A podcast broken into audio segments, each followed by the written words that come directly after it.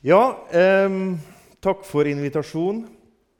Som dere ser frem på tavla her, så har jeg tenkt å dele med dere noe fra Tredje Mosebok, som handler om Herrens høytider. Og da er det slik at eh, Siden jeg har eh, fått tre søndager her, så hadde jeg tenkt at det skulle være temaet for mine tre søndager. Og Da skal vi snakke litt om Tredje Mosebok, kapittel 23. Og Da kan det være greit å, å Da får dere litt hjemmelekser til neste gang, og det å lese det kapittelet her. Tredje Mosebok 23. Og da har jeg en huskeregel eh, for å huske det. I hvert fall de som har kjørt en Masta 323, de greier nå å huske 323. Tredje Mosebok, kapittel 23. Eh, fordi at Når du leser gjennom Bibelen Du har kanskje begynt i første Mosebok, og så leser du første Mosebok, andre Mosebok, og så kommer du til tredje Mosebok.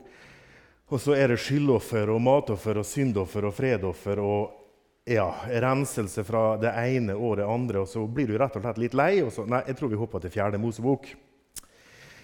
Eh, og da, Det er faktisk litt forståelig, for det virker litt sånn tungt i tredje Mosebok.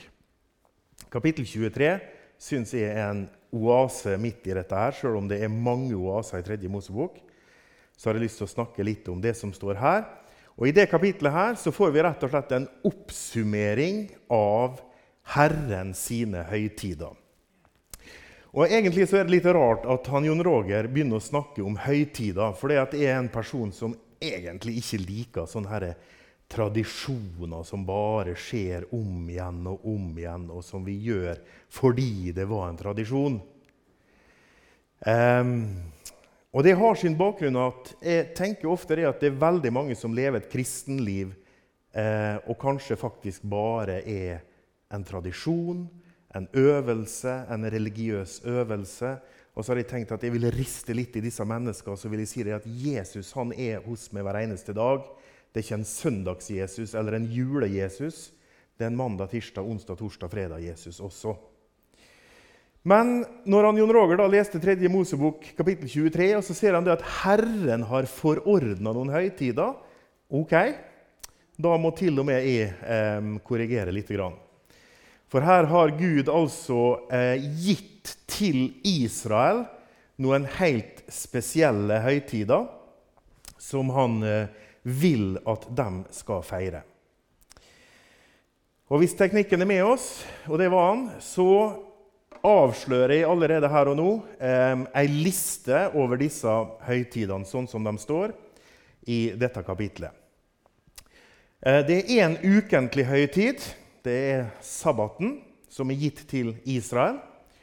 Og så er det syv. Ingen overraskelse når vi har med Gud å gjøre i Bibelen at det er syv årlige høytider. Eh, og Det som er litt kjekt, det er jo at i dag, den 29. september, så er det Rosh Hashana, evening, altså nyttårsaften. Eh, og i morgen er det første nyttårsdag. Og det feires altså i Israel nå i dag og i morgen. Så eh, da har vi faktisk eh, en, en, eh, en høytid som feires akkurat i kveld og i morgen. Vi skal lese litt om dette her fra 3. Mosebok, kapittel 23. Vi skal ikke lese hele kapittelet, men vi skal hoppe litt fra høytid til høytid gjennom kapittelet. Sånn at du har bakgrunnen sånn som Gud har gitt dette her til Israel. Og Vi begynner da i kapittel 23. 3, 23, 3. Mosebok, kapittel 23, vers 1. Herren talte til Moses og sa.: Tal til Israels barn og si til dem:" Dette er Herrens høytider, mine fastsatte tider, da dere skal lyse ut hellige sammenkomster. I seks dager skal dere arbeide, men på den syvende dagen er det høyhellig sabbat.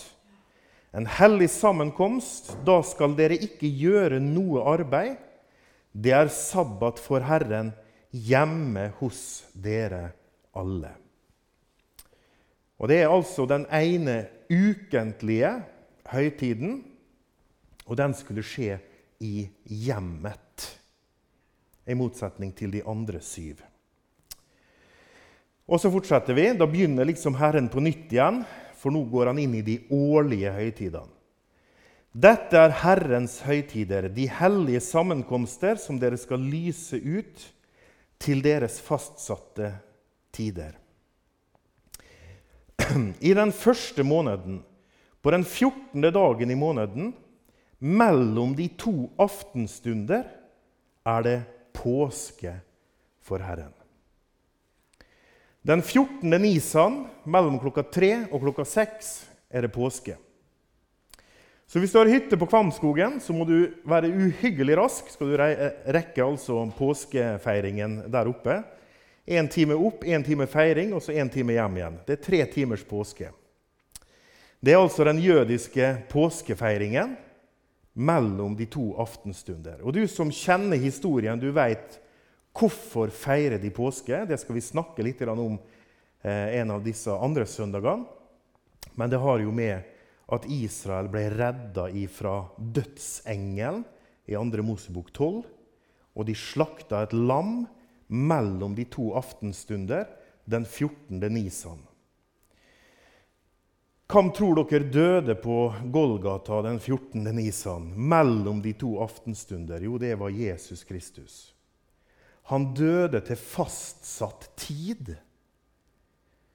Gud har handla på forhånd med historien så detaljert at det var ikke romerne som tilfeldigvis tok Jesus og det skjedde på dette tidspunktet. Det var nøye planlagt. Så dette kan vi lese om her. Moses ante nok ikke det. Men vi som kjenner Jesus og Det nye testamentet, vi kan se Oi, Gud har hatt en plan. Og du vet, Denne boka her, den er altså skrevet av 40 forskjellige mennesker over en tid på ca. 1500 år. Men den boka har én forfatter, og det er Den hellige ånd. Derfor så henger budskapet sammen. Ok. 14. Nisan, da er det påske i Israel. Det feires også den dag i dag. Vers 6. Den 15. dagen. Og tid begynner den 15. dagen? Jo, Den begynner jo da ved solnedgang, sånn ca. klokka seks ved den andre aftenstund. Så når påska er ferdig om kvelden, så går du med en gang over i den 15. dagen i den samme måneden. Og da er det de usyrede brøds høytid for Herren. I sju dager skal dere ete usyret brød. Så Det er den høytiden som da begynner den 15., og så varer i sju dager deretter. Og Så hopper vi til vers 10, til den tredje høytiden. Tal til Israels barn og si til dem.: Når dere kommer inn i det landet jeg vil gi dere, og dere høster landets grøde, da skal dere komme til presten med det første kornbåndet av deres høst. Han skal svinge kornbåndet for Herrens åsyn, for at Herren kan ha velbehag i dere. Dagen etter sabbaten skal presten svinge det dagen etter sabbaten. Hva skjedde med Jesus dagen etter sabbaten? Første dagen i uka. Og da sto han opp igjen. Og her er også gull å hente, altså.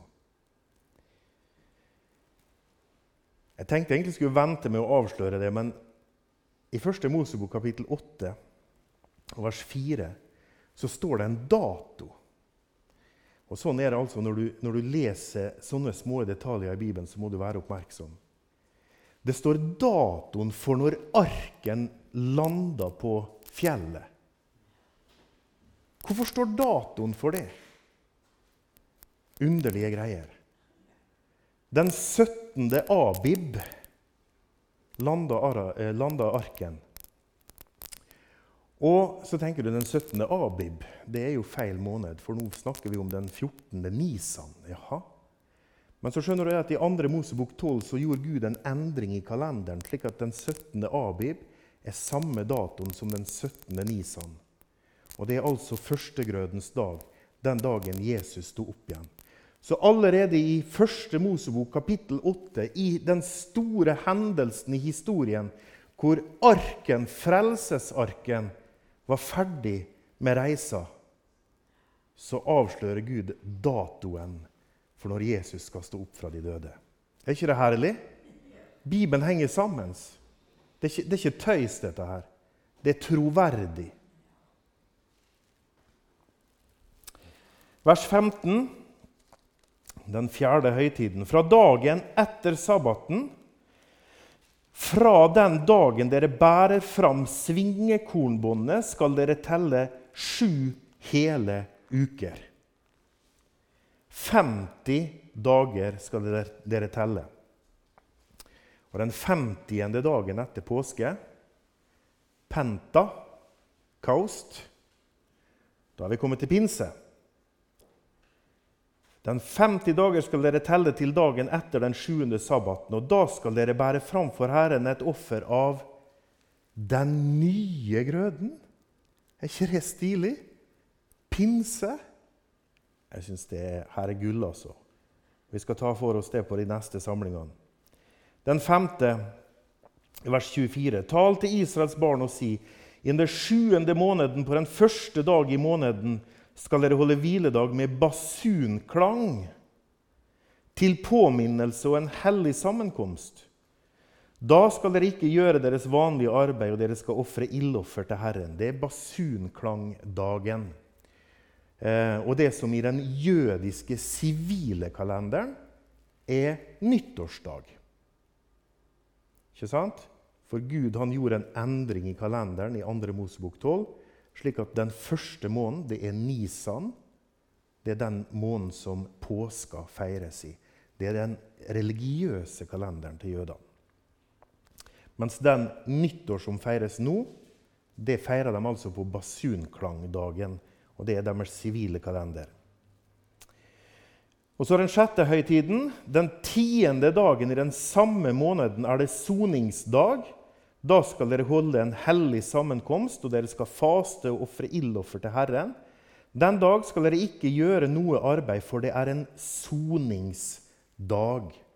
Den store forsoningsdagen, eller Jom kippur, som du sikkert har hørt om, og som du kan lese om her i 3. Mosebok i kapittel 16.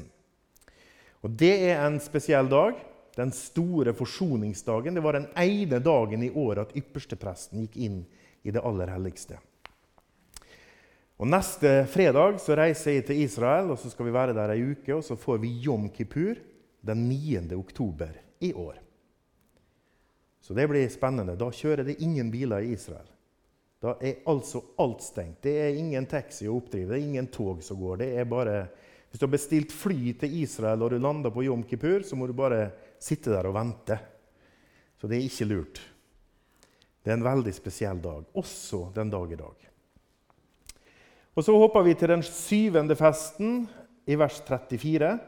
Tal til Israels barn og si fra den femtende dagen i denne samme sjuende måneden skal løvhyttefesten holdes for Herren, og den skal vare i sju dager. Sukkot, eller løvhyttefesten, har du sikkert hørt om og sett bilder. Da bygger de noen sånne her små skjul ute i hagen sin. Det gjør de i Israel. Og det er til minne om reisa gjennom ørkenen eh, ut fra Egypt. Det var en kjapp eh, gjennomgang av eh, de sju høytidene. Så har du kanskje hørt om et par høytider til, og så lurer du på hvorfor eh, har ikke han Jon Roger nevnt disse her. Når det nærmer seg jul, så har du kanskje hørt om hanukka. Men det er altså en lysfest til minne om tempelinnvielsen i år 164 før Kristus. Og Da var Det gamle testamentet ferdig skrevet. Det var jo ferdig skrevet 400 år før. Så denne festen har ikke Gud pålagt Israel å feire. Men det er en fest de feirer. Det var jo Antiokus Epifanes som raserte tempelet. En forløper til Antikrist. Han har hatt mange forløpere gjennom historia, Antikrist, som har vært nesten like rabiat som han kommer til å bli. Men likevel så mangler det mye. Um, og De feirer altså at de fikk tilbake tempelet sitt i 164. Og De feirer dem sånn ca. i desember. Datoen er 25. Kislev i den jødiske kalenderen. Av og til slutten av november, og så som regel i løpet av desember. Og Så tenker mange at ja, nå feirer jødene jul. Men det gjør de altså ikke. De feirer tempelinnvielsen. Så tenner de en niarma lysestake, eller egentlig åtte armer. Det midterste lyset er for å tenne på de andre. Og Så feirer de en annen du kanskje har hørt om. Det er purim. og Det er festen til minne om dronning Ester og redningen fra Haman. En annen forløper til Antikrist og Hitler. Han skulle jo ta livet av samtlige jøder. Han sendte ut et dekret den 14. Adar om at samtlige jøder skulle drepes. Men dronning Ester den tøffeste dama i Bibelen, det må jeg si, hun eh, gikk inn til kongen og fortalte at hun var jøde. Og nå kom altså han til å utslette hun og hennes folk. Og så greide hun å stoppe det. Det må du lese i Esters bok hvis du ikke har lest det. Det er, altså, det er bedre enn pocketbøker fra bensinstasjonen. her altså. Um, så det er de to festene der som vi ikke skal nevne noe om, fordi de feirer altså jødene, men Herren har ikke sagt noe om dem, at de skal feires. Så fikk du vel med deg, bare har satt det opp slik at du skal se ordningen. Det er altså tre vårfester, og det er tre høstfester, og så er det én midt på sommeren. Vi leste at det var 50 dager fra eh, oppstandelsesdagen, eller førstegrødens dag, til pinse. Og så er det fire måneder, og da er det innhøstning før eh, disse høstfestene kommer, hvor de da feirer høsten i Israel. Eh, og de høstfestene de skjer jo da i løpet av ca. tre uker på høsten. Begynner i dag, og så varer de frem til løvhyttefesten er, er ferdig om ca. tre uker. Men så er det sånn at når Gud har gitt forordninger om disse her festene, så er det sånn at han vil noe med dem. Han vil bl.a. at de skal minnes noe, eller de skal feire noe. I tillegg så har jo disse festene et profetisk budskap. Det har vi allerede avslørt. Vi har avslørt at påska, da døde Jesus. Det har et profetisk budskap. Hele festen, hele hendelsen peker på en person på Jesus Kristus. Eh, og Sånn er det med alle disse her eh, festene. Eh, og da er det sånn at Disse fire første festene de har med menigheten å gjøre. Og de er jo oppfylt. De har gått i oppfyllelse. Påska har skjedd. Jesus er, har fullbrakt sitt offer. Eh, han har stått opp igjen, og Den hellige ånd har kommet, og menigheten er etablert. Og Disse fire, fire festene her, de peker fremover på, på, det som har med menigheten å gjøre. Og Det skal vi snakke litt mer om innholdet i disse her de neste søndagene. Og Så har vi de tre siste, som fortsatt hører fremtiden til. De har ennå ikke skjedd. Du har gjerne lest om basun i Bibelen. Ja, det hører fremtiden til. Den store forsoningsdagen og løvhyttefesten. Det er profetiske budskap som har med fremtiden å gjøre. Spennende. Det skal vi se på seinere. Men så er det altså sånn at eh, vi skal se litt på disse her festene nå. Hva i alle dager Israel gjorde med dem, hvorfor Gud hadde dem, og hva som skjedde. Tredje Mosebok 23 begynner altså slik. Herren talte til Moses og sa:" Tal til Israels barn og si til dem:" Dette er Herrens høytider. Mine fastsatte tider. Da dere skal lyse ut hellige sammenkomster. Eh, når du kjenner Gud og du leser din bibel, så blir du oppmerksom på at det er noe Gud vil. han vil ha fellesskap. Han vil ha sammenkomst. Når Israel skulle bygge teltet, tabernaklet i ørkenen, så kalte Gud dette teltet for sammenkomstens telt. Der skal vi komme sammen. Så Gud han har lyst til å være sammen med det og meg. Han har lyst på fellesskap. Og dette her er Herrens høytider, så han ville at Israel skulle feire år etter år. Sju ganger i året skulle de feire for Herren å være sammen med Han. Gud han sier også til oss at han vil ha samfunn. Og Det å høre Herren til, det er å ha fellesskap. Det er ikke å være medlem. Det er ikke å vise seg på møte. Det er ikke å fortelle til andre. Det er ikke å være flink til noe. Det er ikke å slutte med noe men det er å ha fellesskap med Gud. Vårt samfunn det er med Faderen og Hans Sønn Jesus Kristus. Det ønsker Gud. Han ønsker fellesskap.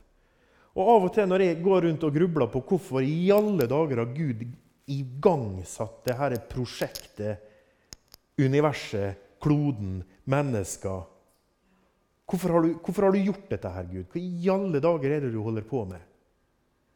så er det rett og slett han ønsker fellesskap. Han vil ha samfunn med oss. Det er ganske spesielt. Den evige, allmektige, tre ganger hellige Gud. Han vil det. Gud er trofast, og han kalte oss til samfunn med sin sønn Jesus Kristus, vår Herre. Det er det han vil. Men nå skal jeg ta dere med til en veldig spesiell tekst, som begynner i Jesaja kapittel 1. Og um, Jeg har hele teksten her, så dere behøver ikke å slå opp. Dere kan slå opp hvis dere vil, men vi skal lese den sammen. Men Jesaja kapittel 1 begynner helt i kjelleren. Altså, israelsfolket de er fullstendig ute å kjøre. Og det er Gud tydelig på når han nå forklarer dem i denne teksten. Kapittel 1, og vi begynner fra vers 10. Vi kunne ha lest fra vers 1, men vi begynner fra vers 10. Hør Herrens ord, dere Sodoma-fyrster. Ok. Skriv ikke det på Facebook, altså. Det, det gjør du bare ikke. Men Gud forteller dem hva slags typer dere er. Lytt til vår Guds lov, du Gomorra-folk. Hva skal jeg med alle deres mange slaktoffer? Ja, men vent nå litt, Gud. Du har nå brukt ganske mange kapittel i tredje Mosebok på å fortelle oss at vi skal komme med slaktoffer. Hva er det som har skjedd nå, Gud? Jeg er mett av brennoffer og av værer og av fett fra gjøkalver. Blod av okser og lam og bukker har jeg ikke lyst til. Eh, nei. Ja, men Gud eh, Det var faktisk du som sa vi skulle gjøre det. Når dere kommer for å vise dere for mitt åsyn, hvem har da krevd at dere skal tråkke ned mine tempelforgårder? Eh, jo, det var faktisk du, Gud, som sa det. Kom ikke mer fram med unyttig matoffer. Det er en motbydelig røkelse for meg. Nymåne og sabbat og festforsamling. Jeg tåler ikke høytid og urett sammen deres nymåner og fester. Jaså? Hva var det vi leste i 3. Mosebok kapittel 23? Mine, sier han. Herrens. Og nå sier han deres nymåner og fester. Min sjel hater dem. Det har blitt en byrde for meg. Jeg er trett av å bære dem. Og når dere brer ut hendene, så skjuler jeg mine øyne for dere. Hvor mye dere så ber, hører jeg ikke. Nei. Hva er det som har skjedd? Hva i alle dager er det som har skjedd? Gud har gitt dem forordning. Høytider skal dere feire. Vi skal ha sammenkomster og komme sammen. Ja, men det er noe som har skjedd med israelsfolket.